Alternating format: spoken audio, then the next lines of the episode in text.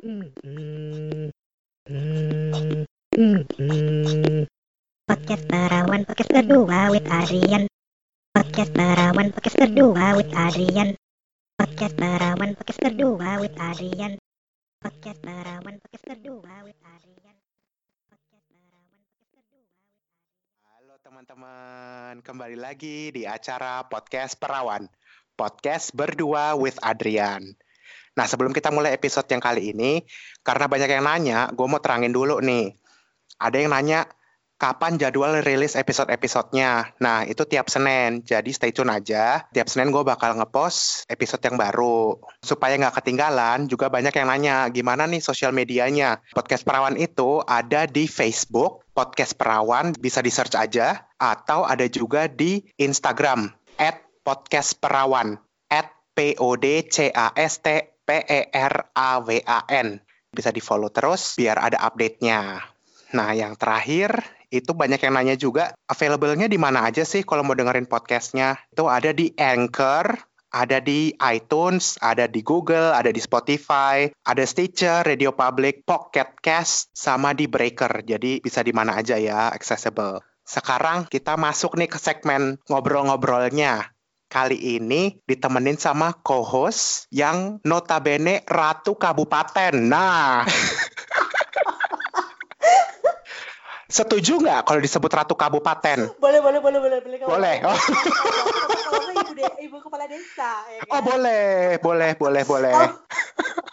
halo semua Nah, silakan diperkenalkan ini mbaknya namanya siapa? Iya, gue Linda. Gue uh, udah temenan sama Adrian tuh dari 2010 ya, Dri?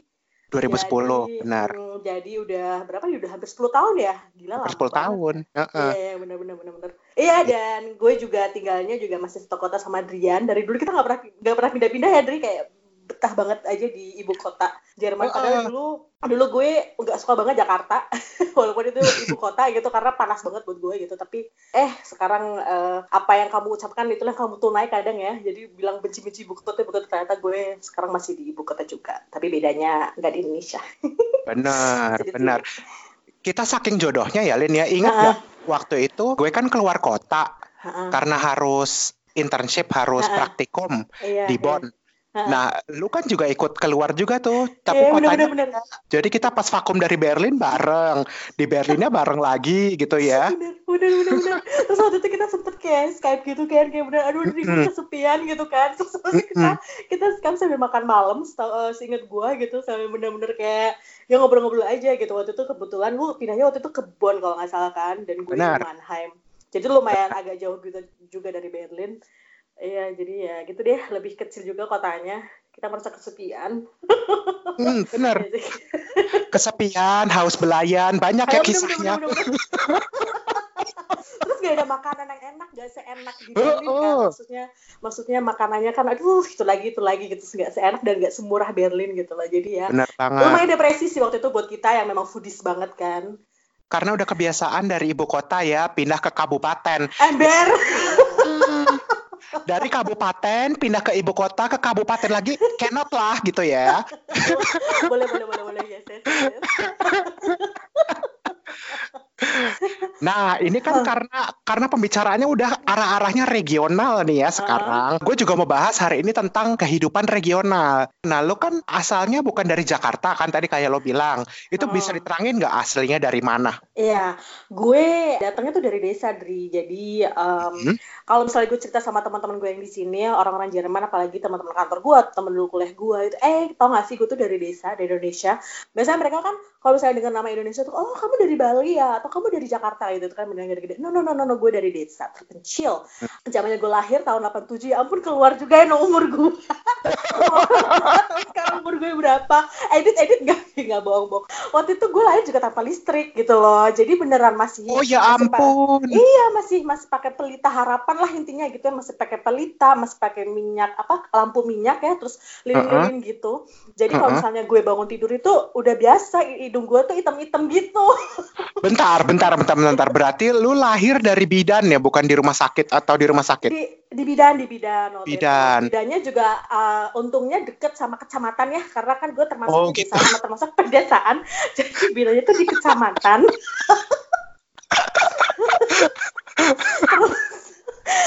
itu dia untungnya kecapatannya cuma 15 menit gitu ya terus udah dibawa Mm -hmm. gitu ke sana ya udah akhirnya gue alhamdulillah masih hidup sampai sekarang gitu kan lahir dengan selamat gitu Em, cuman waktu itu memang belum ada listrik gitu loh dan waktu ada Oke. listrik itu masuk ke desa gue desanya tuh namanya Banjarsari kalau misalnya lu Google itu Banjarsari itu sebenarnya ada beberapa kalau nggak salah ya ada beberapa eh, nama desa atau kota yang memang Banjarsari gitu loh tapi harus Oke. detail banget Banjarsari Pemalang Jawa Tengah. Kode posnya 52352 yuk Oh ya.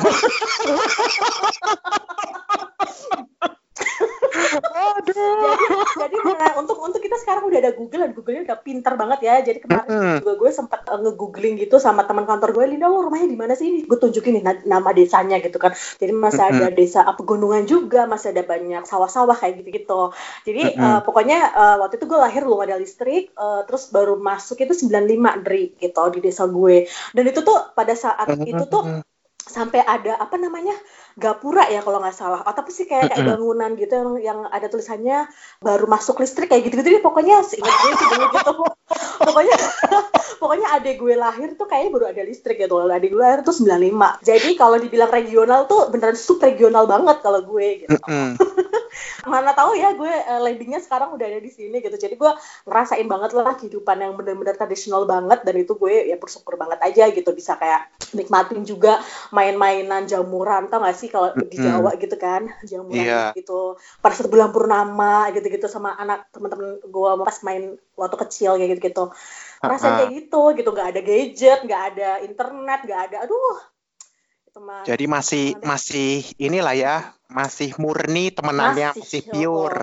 Yes, Uh-uh. mature gitu ke sawah, ke sungai, segala macem gitu, hutan kayak gitu. Yang yang menarik kan sebenarnya ini, kalau kalau orang cerita kayak misalnya gue, gue ceritain gede di Jakarta, kan nggak heran ya, maksudnya banyak banget orang yang gede di kota-kota besar. Jakarta, Bandung, Bali, Surabaya, nggak heran, maksudnya mirip-mirip aja. Yang menarik kan justru dari regional ini karena beda banget hidupnya ya.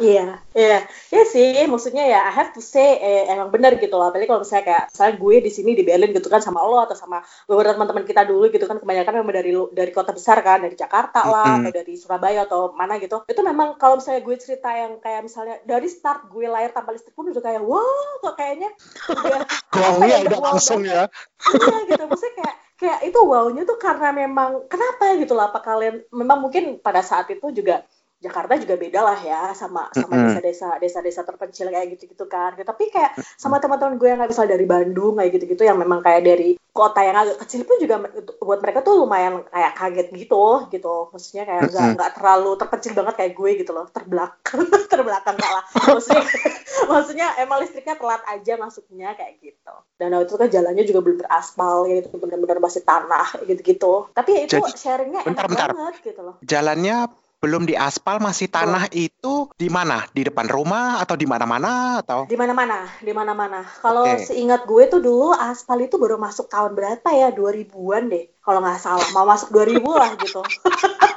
Lin, Itu sorry baru sorry, gue harus ketawa karena lu apa-apa, listrik kagak ada, aspal kagak ada. iya jadi, jadi lu bayangin kan waktu gue waktu SD itu jadi teman-teman gue itu teman-teman SD gue Heeh. di desa gue itu ada dua SD gitu. Ada SD 1 sama SD 2 dong gitu kan. Nah gue sekolahnya di SD 1 ceritanya gitu. Kayak sekitar kalau jalan kaki itu 10 menit lah dari rumah gitu. Nah karena teman-teman gue waktu SD itu kebanyakan nggak pakai sepatu beneran ke sekolah tuh Mm-mm. nggak pakai sepatu gitu. Nyeker atau pakai sendal? nyeker bahasa Jawanya tuh Oh. nyeker gitu loh. Jadi ya memang memang udah biasa kayak gitu. Dan gue alhamdulillahnya orang tua gue masih bisa beliin gue sepatu tapi karena gue pengen ngerasain banget nih gitu. Pergi Mm-mm. ke sekolah nggak pakai sepatu akhirnya pernah gue nggak pakai sepatu gitu ke sekolah.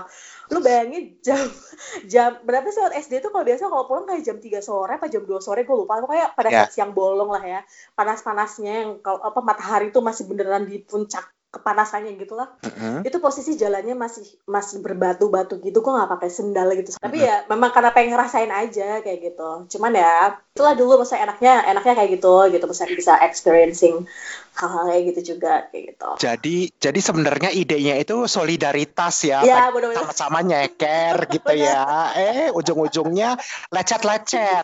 iya dan apalagi kan gue kan eh, lumayan gendut ya gitu. Jadi apa beban badannya juga beban Ini- badannya juga Ini ini ini lucu loh. Dari dari kemarin dari episode 1 ngobrol sama Pamela ada bahas berat badan. Episode Boleh. 2 sama Rima bahasa berat badan lagi. Kayaknya dibahas gendut. Terus kayak teman-teman gue gendut semua. ya karena kan kita happy foodies sama happy Benar. gitu kan benar, benar, benar. Hiburannya makanan. bener gitu misalnya teman-teman gue mungkin dulu yang yang memang biasa nyeker mungkin mereka karena mereka kurus-kurus badannya gitu kan jadi gak ada Mm-mm. beban gitu loh kalau gue udah kaki gue kecil tapi badan gue gede gitu loh dari ujung kaki sampai sampai paha lo let's say itu kan gendut gitu ya udah nggak bisa lari terus habis itu nyobain jalan gak pakai apa nyobain nyeker panas-panas kayak gitu jadi ya ya tapi solidaritas lah ngerasain aja Benar. Senang sama senang ya, tetap Iya. senang lah. ya pasti Eh. pasti senang Kan ini tadi lu udah bahas nih, kalau ada yang mau main ke Tegal, berarti kan ini regionnya daerah-daerah situ ya. Dari Eh, ngapak Tegal. Ngapak-ngapak antara Hmm. Tegal, deket sama Purwokerto juga berarti ya. Mm-mm, benar-benar benar Heeh, berarti deket juga sama Pekalongan. Ah, iya benar itu kalau dari Pekalongan tuh cuma satu jam. Jadi kalau misalnya, gue kan selalu bilang lu dari mana? Dari Banjarsari nggak ada yang tahu dong. Jadi gue selalu bilang lu dari. Pemalang gitu. Pemalang tuh di mana? Jadi most of the people yang yang nanya gue gue dari mana dan gue bilang Pemalang nobody knows ya kan. Cuma ah segelintir orang doang lah yang tahu memang udah bias, ber- udah biasa kayak ke Tegal kayak gitu. Itu Pemalang itu perbatasan antar Tegal Pekalongan. Tegal Pekalongan. Oke. Jadi kayak di tengah-tengah gitu. Jadi sebelah kiri ngapak-ngapak, sebelah kanan ngapak-ngapak. Jadi ya parah. Nah, bener-bener bener. tapi Pemalang itu eh, ngapak sih, tapi ngapaknya tuh ngapak-ngapak apa ya tak kayak orang nyanyi bukan nyanyi ya tapi punya aksen sendiri lah gitu kalau kalau disuruh disuruh nyobain gue nggak bisa ya gue harus ketemu orang Pemalangers sih gue harus ketemu satu Pemalangers yang Pemalang so- boleh ada komunitasnya ya ceritanya. Iya, iya, yang, yang yang memang bisa apa bisa dibilang kayak eh, ngemancing gue untuk untuk untuk ngomong gitu loh. Tapi di desa gue itu tuh masih ngapak juga gitu. Oke. Jadi kalau gue di desa tuh gue ngomongnya ngapak, kalau sedih Pemalang gue masih bisa pakai aksen Pemalang kayak gitu. Terus karena itu kan daerahnya tadi udah kita sebut dekat Hmm. Pekalongan, dekat Purwokerto, dekat Tegal. Kalau liburan biasanya tuh ke mana? Jalan-jalannya tuh ke mana sekitar situ? Mm-mm. Kalau misalnya gitu yang terkenal tuh dari dari situ kayak Batu Raden ya, Batu Raden. Oh, mm-mm. Ah, Guci itu kan pemandian air panas itu terkenal banget gitu. ini Gunung Gucci ya. Anak-anak Iya. influencer zaman sekarang jangan salah ngerti, bukan Gucci, tapi ah, Gucci. Di Pemalang ada Gucci. Gak ada Gucci store. Ntar ada yang bilang Linda belagu mentang-mentang ratu kabupaten jalan-jalannya ke Gucci gitu ya. Bukan bukan di Gucci store, bukan Gucci made in Italy, tapi ini Gucci made Pemalang gitu kan, Pemalang Oke. Jawa Tengah gitu. Itu terus kalau di Pemalang juga ada ini Dri, ada laut juga, Widuri. Tahu nggak lagunya Widuri kayak gitu-gitu. Iya, tahu, nah, tahu, itu tahu. itu pantai Widuri itu di Pemalang gitu loh. Oh, Pantura ya berarti ya? Ya, ya, di arah situ deh, bener bener bener. Jadi eh, itu Widuri itu pokoknya enak banget dan sedengar gua, eh, kalau misalnya gua kayak terakhir-terakhir misalnya ada teman-teman Pemalang gua yang ngeposting di Facebook terus liburan di Widuri gitu-gitu, Mm-mm. itu udah udah lumayan masih agak saya masih agak kotor lah gitu. Tapi udah lumayan dibangun gitu loh. Kalau nggak salah juga ada kayak wahana pelosotan pelosotan gitu kayak ada ada pariwisatanya sendiri lah kayak gitu. Cuman kalau gue selain nongkrong di situ dulu pada saat SMA-nya kan gue di Pemalang juga kan gitu nggak Hmm. di desa atau nggak di kecamatan tapi langsung di kabupatennya itu itu makanannya tuh enak-enak juga gitu jadi ada yang apa jualan-jualan di pinggir pantai terus ada rumah Mhm. makan ikan bakar kayak gitu-gitu tuh enak banget Pertanyaan berikutnya itu langsung nyambung ke masalah sekolah Hmm. karena karena ini yang menarik nih beda-beda kota beda-beda kurikulum ya kan? Hmm. lu selama selama sekolah dulu di Pemalang terus di Banjarsari atau pindah-pindah? Di Banjarsari ada cuma SD doang. Oh gitu. Eh, terus ada SMP sih eh, itu juga Hmm. kalau nggak masuknya masih desa Banjarsari tapi nama SMP-nya tuh Bantar Bolang dan Bantar Bolang itu kecamatan gitu. Jadi desa Mhm. Banjarsari itu eh, ini kalau misalnya lu lupa lu catat aja ya. Hmm, benar benar. Silakan dicatat desanya itu Banjarsari terus ke- kecamatannya Bantar Bolang. Nah di depan desa gue pas itu ada SMP 2 Bantar Bolang. Hmm. Eh, itu sekarang nyokap gue ngajar di situ. Terus tapi gue SMP-nya tuh nggak di nggak di Bantar Bolang itu kecamatan tapi di kecamatan lain gitu. Jadi Pemalang itu kan kabupaten punya beberapa kecamatan dong gitu kan. Hmm.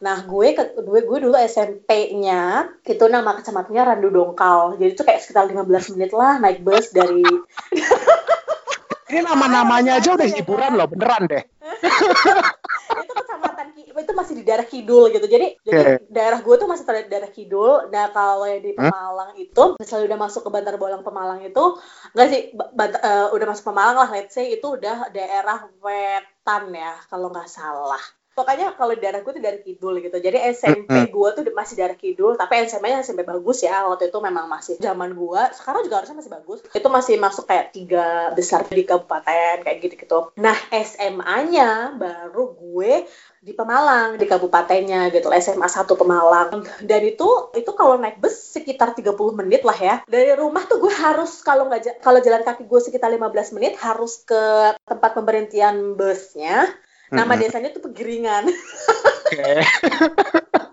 jadi jadi itu itu nama nama desa tetangga lah let's say ya. Nama desa tetangga gitu. Itu tempat asal nyokap gue juga ceritanya.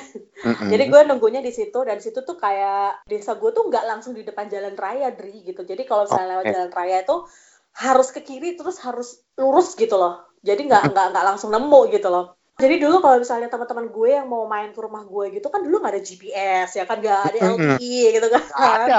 Benar. Jadi harus harus pakai apa namanya ancang-ancang ya kalau nggak salah ya Benar. Heeh. Jadi ancangnya, ancang-ancangnya mana lilin gitu. Itu pasti, oh itu bengkel, eh bukan bengkel, pemberhentian ojek tuh apa namanya? Pangkal ojek gitu. Pangkal ojek. Pangkal ojek, Oke. heeh, pangkal ojek pasar Pegiringan gitu. Nah kalau kalian udah nyampe situ tuh, kalian ke kiri aja langsung lurus. Terus nanti ada sawah tuh, sawah besar banget. Nah itu kalian masuk aja ke kiri kayak gitu. Terus lainnya dia rumah gue. Jadi kalau misalnya si tukang-tukang ojek ini sepakat, yuk kita ganti pangkalan, temen lo nyasar semua ya. Bener-bener bener kayaknya begitu. Oh iya, iya gue gak mikir juga. Tapi selain ada, ada selain ada pangkal ojek, ada pasar juga di situ. Pasarnya juga lumayan besar. Oke. Gitu. Gue juga Mm-mm. suka banget ke pasar itu, pasar tradisional ya. Mm-mm. Jadi nenek-nenek gue juga dulu pernah jualan di situ kayak gitu-gitu. Jadi ya apa sih Oke. nggak nggak nggak langsung jalan raya gitu. Jadi gue kalau misalnya ke Pemalang itu sekitar let's say 45 menit lah ya nyampe ke nyampe ke sekolah. Kalau misalnya gue jalan kaki dari rumah gue sampai ke pangkalan itu ke Mm-mm. bisnya. Nah, kalau misalnya gue naik motor ya paling let's say 35 menit gitu loh. Dan bisnya tuh langsung berhenti di depan di depan sekolah gue. Cuman karena gue dulu juga lumayan kayak aktif gitu kan, Dri, terus Mm-mm. suka pramuka sampai malam atau ngeband atau apa gitu. Jadi Ya. misalnya pulang itu kan gak ada bis lagi dong. Aha. Karena baru selesai kegiatan kayak jadi jam 9 malam kayak gitu-gitu kan. Gak ada bis terus kalau misalnya naik bis yang malam kan juga agak ngeri kan waktu itu. Iya. Karena memang lewatin tempat gue tuh ngelewatin hutan belantaran itu. Jadi Bener, Jadi beneran jalan- hutan, hutan bebas beneran gitu. beneran hutan kanan kiri tuh hutan gitu loh. Ah, gue lupa tapi namanya itu di daerah Bantar Bolang gitu lah let's say. Kayak udah mau masuk Pemalang kotanya tuh mau ngelewatin mau ke daerah gue tuh harus ngelewatin hutan lah gitu. Hutan desa hutan kayak gitu. Nah itu kan ngeri dong gitu nggak Iyalah. juga. Akhirnya ya gue kos. Walaupun sebenarnya kalau sekarang misalnya kita yang udah di Berlin gitu ya kita ke tempat kerjaan aja butuhin 50 menit aja buat kita kayaknya nggak lama gitu ya kayak Hmm. biasa gitu kan. Nah dulu tuh 30 menit dari rumah juga sebenarnya kalau gue bilang sama anak-anak di sini gue dulu rumahnya udah pindah gitu udah kos. Jauh Mm-mm. nggak? gitu kan. Enggak nggak jauh sih cuma setengah jam. Kenapa ini? Kenapa kos? gitu kan. Lu nggak tahu aja rumah gue di mana. Ya kan maksudnya? Iya. Maksudnya ya apa sih susah lah gitu untuk untuk langsung bolak balik gitu kasihan bokap gue juga kan suruh jemput juga gitu ngantar jemput jadi udahlah gue kos aja gitu jadi dari umur 15 tahun dari kelas 1 SMA tuh gue udah kos Setiap weekend pulang gitu atau Oh, gimana? setiap weekend pulang setiap Sabtu Hmm. lah Sabtu kan kita masih sekolah ya Dri hari Sabtu kan Iya. libur Benar. Heeh, jadi ya itu jadi ya baru pulangnya kayak Sabtu malam kayak gitu Kalau gue kan aslinya Bekasi ya. hmm. Jadi orang tua tuh tinggalnya di Bekasi. Terus setelah udah lepas SME, S- eh, SMP, SMA-nya gue di Jakarta. Nah, sejarahnya gue itu agak beda karena Bekasi itu kan masih Jawa Barat masuknya ya kan. Hmm. Mata pelajaran khususnya itu itu kan bahasa Sunda ya. Hmm. Kalau di Jakarta itu PLKJ apa gitu. PKJ PLKJ itu pendidikan apa ya? Pendidikan lingkungan kebudayaan Jakarta apa ya kalau nggak oh salah. boleh boleh boleh boleh boleh panjang ya Heeh, jadi jadi belajarnya ya tentang kultur Jakarta, misalnya lenongan, terus Hmm. budaya orang Betawi gitu-gitu. Hmm, hmm. Kalau di Bekasi ya belajarnya bahasa Sunda. Jadi ujiannya itu, ujiannya kalau nulis di kertas itu bukanlah istilah titik-titik di bawah ini gitu. Hmm. Dia perintahnya eh, sian ku kecap nu tepat di handap iya gitu. itu artinya apa? Oh itu apa ini ya? Apa instruk instruksinya seperti itu pakai bahasa Sunda Instruksinya. Oh, Jadi kalau misalnya bahasa Sundanya dari dasarnya udah nggak lancar ya udah instruksinya aja udah nggak tahu gitu. Jadi Oh, kayaknya iya. di situ. Nah kalau Oke. lu gimana dulu mata pelajaran khususnya apa? Lu belajar bahasa Jawa gitu nggak? Hono Ya bahasa Sunda. Oh, Sunda. nggak ada bahasa Jawa ya. Kalau gue Mm-mm. dulu bahasa bahasa Jawa ada itu Mm-mm. dari SMP dan SMA juga bahasa Jawa ada. Terus ada seni tari. Jadi gue dulu kalau narinya Jawa Tengah itu gambyong. Nah itu gue ada uh, pelajaran itu. Seni Oh bukan serimpi ya? Gue belajarnya gambyong deh. Ada kan tariannya tuh gambyong. Ya nggak tahu belajar. Gue nggak dapet. udah tahun udah tahun bahla gue lulus ya kan? Gue gue juga nilainya jelek dapetnya karena gue nggak bisa nari karena gue kaku banget disuruh jadi kayak Benar. lemah lembut gitu kan harus lemah gemulai gitu kan. Gue kan kaku banget secara preman gitu kan kasarnya. Oh, terus kalau SMP gue dulu ada tata boga juga Tri lu ada nggak tata boga? Ada ada. Dulu Oh, ada. tata boga ada. Ya, gitu-gitu. Lainnya paling bagus. Karena doyan makan harus doyan bikinnya juga. Kalau nggak kurus. boleh boleh Aduh. Gue paling paling paling gak bisa tata boga. Sampai sekarang juga gue gak bisa masak ya. Walaupun nyokap gue tuh dulu guru, guru tata boga tau gitu. Jadi nyokap gue Oh, tuh pinter parah. semuanya parah semuanya. Beneran gak ada menurunnya sama gue lah sampai sekarang juga. Aduh udahlah gitu. Nggak bisa nggak bisa. Udah memang nggak nggak nggak bisa megang dapur. Jadi ya udah gue bersyukur ya gitu bisa belajar bahasa Jawa juga Hono Coroko ya eh, tulisan Jawa dulu gitu kan walaupun buat gue juga susah banget Berarti lu masih bisa baca ya? Masih bisa baca tulisan Jawa kuno ya bisa? udah lupa lah Jangan lupa. Jadi di CV lo nggak bisa ditulis ya, nggak Nggak bisa bisa. multilingual. Indonesia, English, Jerman, terus Hono Coroko gitu nggak bisa. bener-bener gak bisa gak bisa Oh sayang. Heeh. coba ngomongnya aja udah ngomongnya pakai bahasa kromo kromo inggil kromo alus sama ngapak udah ngokok gitu Oh gitu, bisa masih. Ya paling nggak ada nyantol lah ya. iya tapi itu sih yang berkesan itu yang yang mungkin beda ya maksudnya untuk eh, dibanding sama kalau di Jakarta atau yang di kota-kota lain. Karena mungkin kalau misalnya kayak di provinsi lain atau eh, itu kan memang diharuskan ya mereka belajar bahasa tradisional mereka.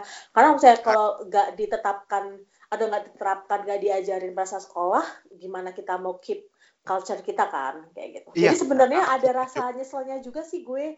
Sekarang saya kenapa dulu gue nggak belajar beneran? gitu kan Iya. terus gue nanti bisa ngajarin anak gue gitu lah itu kan kalau Hana Coroko itu kan kayak seolah mirip kayak Thailand ya gitu jadi tulisannya Thailand tuh ini mungkin ada hubungannya juga tuh gimana gue nggak tahu gitu tapi Beda dodol.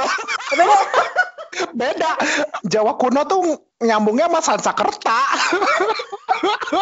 oh berarti India ya India iya, Oh, India iya, kuno. bener-bener. Nggak nyambung oh sama nggak nyambung ya Sadika, Gara-gara- nggak nyambung.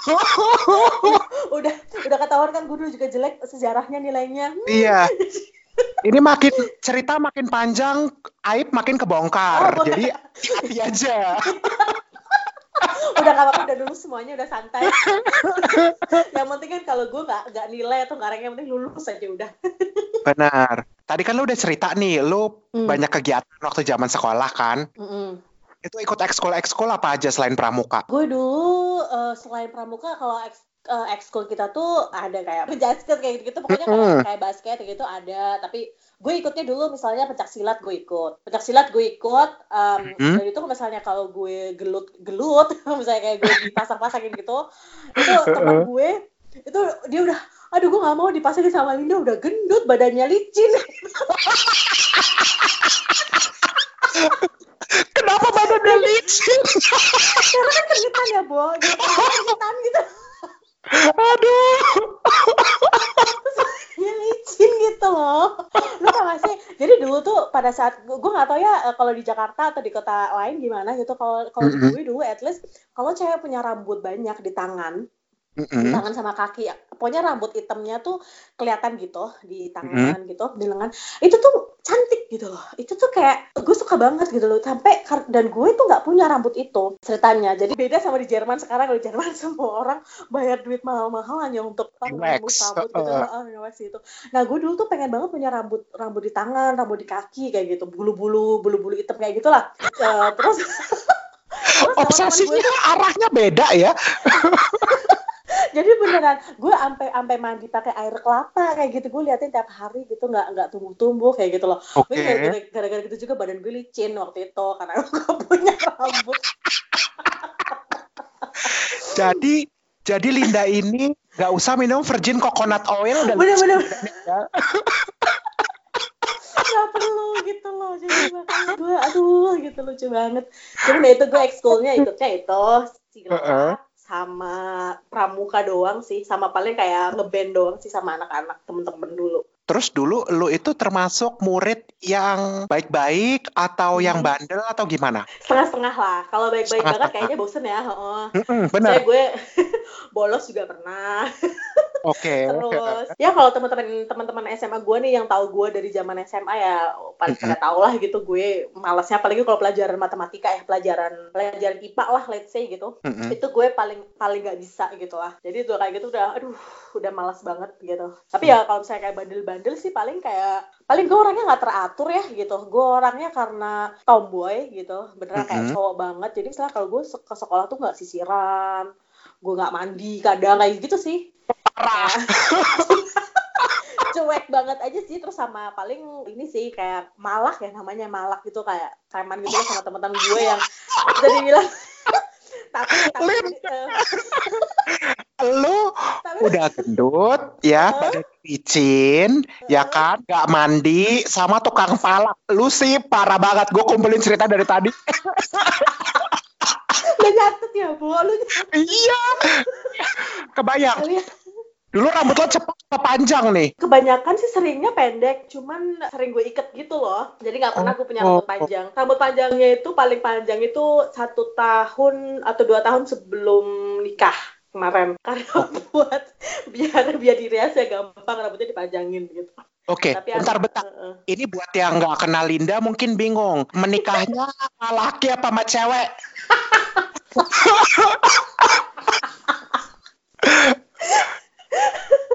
itu dulu saking gue gak punya temen cewek gitu bokap gue juga gak udah ada nih nih ini anak nih masih suka cowok sama cewek gitu kan gue gue gue nikahnya masih sama lawan jenis ya Lawan jenis. Oke. Lu casingnya mungkin masih perkasa gitu tapi dalam hati kan Oke. masih wanita yang lemah lembut Oh gitu. Oke. Dapatnya bule juga ya orang Jerman. orang Indonesia gak ada mau sama gue bo Oh, oh, terlalu independen. Ya atau takut dipalak sama takut kelicinan. Takut digalakin ya kan jadi ya udahlah yang seadanya aja lah yang lamar lebih cepet aja lah terima aduh kalau malak malak teman-teman sekolah lu gitu, emang nggak ada yang lapor misalnya, bu saya dipalak lagi. enggak malak-malak itu Oh. malak lucu-lucuan gitu gue tuh terkenal baik hati Oh. Oh kayak eh eh bagi duit dong gitu. Iya, paling kan eh, gue kan dulu Oh. kelasnya tuh eh, kelasnya tuh deket koperasi kan, koperasi Ah. Sekolah. Nah, gue tuh selalu ngebantu ibu koperasi ini pada saat istirahat atau apa gitu ngebantu ibu Ya. untuk dia juga operasi eh operasi koperasi untuk Mhm. eh, ngelayanin gitu loh misalnya kayak beli apa sih beli teh beli apa gitu gue yang ya. Eh, eh, yang ngurusin gitu, yang ngasih kembalian kayak gitu gitu. Jadi teman-teman gue yang gue kenal juga gitu loh. Dulu gue sering palak tuh namanya Jaja tuh, gue sering banget gue palak. Eka tuh, anak semuanya ya kan. itu gue juga sering palak juga. Jadi mereka tuh kadang nggak bisa kayak beli teh teh itu kan harganya seribu gitu. Jadi kebalikannya, udahlah gak usah kembalian buat gue aja kayak gitu. Oh, kirain dihadang misalnya mau pulang ke rumah Enggak. nggak boleh lewat gitu dikirain kayak gitu. Atau kalau bahasa Jawa gimana? Kowe ora susah lewat gitu. Kowe aja macem-macem ya, ya. Iya. enggak, enggak. gue gue karena gue juga aktif di pramuka kan jadi gue lumayan terkenal jadi kakak pembina lah ya gitu jadi Hmm. jadi ada kehormatan yang harus gue jaga juga gitu kan cuman ya itu tapi itu lucu-lucuan sih maksudnya kayak seneng Hmm. aja sih gitu sampai kalau misalnya gue waktu itu habis lulusan juga ngobrol-ngobrol juga lucu-lucu aja sih kalau inget-inget dulu kayak gitu dan itu teman-teman gue tuh emang yang ini eh, ada beberapa teman gue tuh yang iseng gitu jadi mereka Hmm. tuh karena gue itu dari kidul kan dari daerah desa. Iya. maksudnya bukan dari daerah, desa tapi dari daerah yang memang kidulnya dari Pemalang. Kan gue tadi cerita ya kalau misalnya dari mau ke tempat gue tuh harus lewatin hutan gitu. Uh-uh. itu memang dulu itu memang kadang ada monyet di situ monyet monyet bergelantungan Oke. gitu. Itu bener bener ada monyet kanan kiri. Jadi kalau misalnya ini kita anak-anak kita yang dari kidul kan bukan gue doang nih yang beneran dari daerah kidul gitu kan. Itu kita dipanggilnya ketek bolang ketek bolang gitu Hasil lo gitu kan Buat yang nggak ngerti, Lucuan ya. ketek itu ketek itu monyet ya bahasa eh, Jawa. Eh, Lu ketek bolang ketek bolang kayak gitu. Itu beneran. Aduh gitu makanya udah lah sini gue palakin aja gitu. Jadi buat lucu-lucuan doang gitu. Buat lucu-lucuan Eh. aja. Eh, tapi eh. lucu ah, lucu aja sih kalau saya inget kayak gitu. Ya Allah gitu kan ketek bolang maksudnya udah jauh-jauh gitu kan dari dari apa dari regional gitu kan ke kota gitu. Iya. Ini gue mau ada nanya, lu pernah nggak misalnya ketahuan nyontek atau Hmm. ketahuan mau kabur dari sekolah atau gimana gitu yang sampai dihukum pernah nggak? Kalau sampai dihukum pas SMA tuh sedenger gue tuh seingat gue enggak. Tapi kalau Hmm. nyontek udah pernah. Nyontek itu seringnya kalau ulangan kimia. Karena gue Eh. paling nggak bisa kimia. Ketahuannya tuh ketahuan paling kayak cuma nggak direbut atau di mana gitu ya. Mm-mm. Tapi kayak, ayo Linda, kayak gitu doang loh, gitu. Oh. Gue udah, udah, udah, udah apa, udah cungukan gitu, bisa apa sih kayak, kayak berusaha ngelihat gitu ke teman gue gitu kan. Mm-mm. Cuman masalahnya karena gue memang nggak ngerti IPA ya, nggak bisa IPA. Even gue Hmm. dicontek kamu juga gue nggak tahu gue jawabnya harus gimana.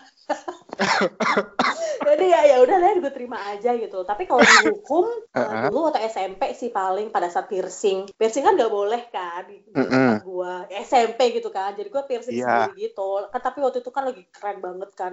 Zaman-zaman tahun berapa tuh 2003 ya 4 ya gitu. Pokoknya punya piercing tuh piercing dua biji tuh kayak keren amat gitu. Lu piercing di mana? Pakai apa? Coba terangin. Eh, piercingnya di kuping, terus piercingnya sendiri pakai jarum, pakai es batu.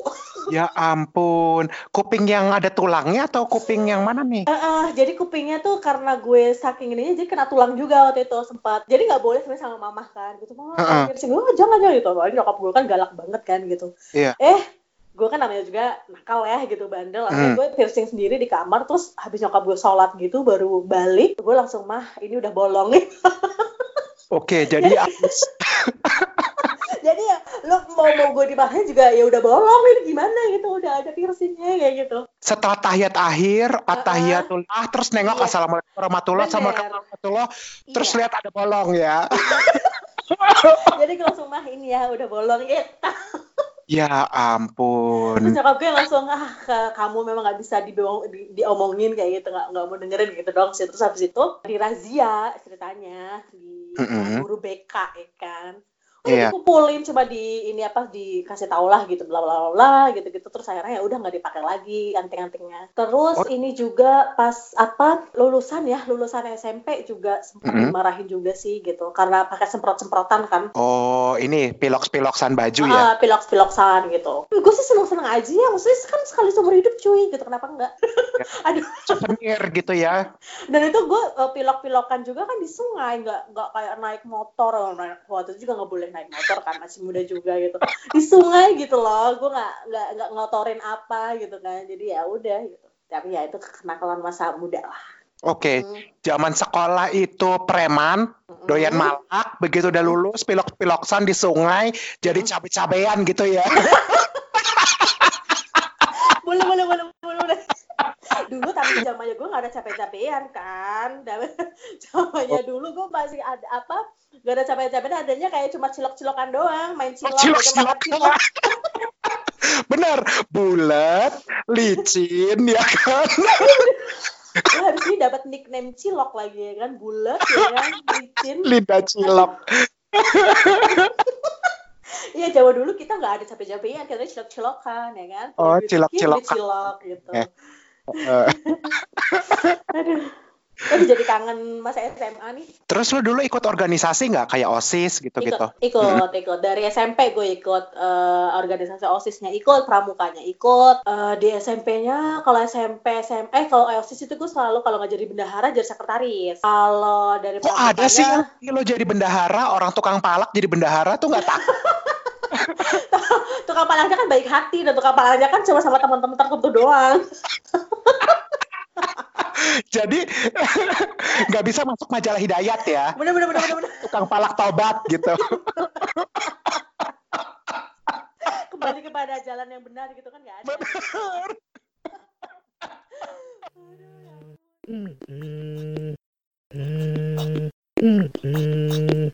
Podcast Perawan Podcast berdua with Adrian Podcast Perawan Podcast berdua with Adrian Podcast Perawan Podcast berdua with Adrian. Podcast Perawan Podcast berdua with Adrian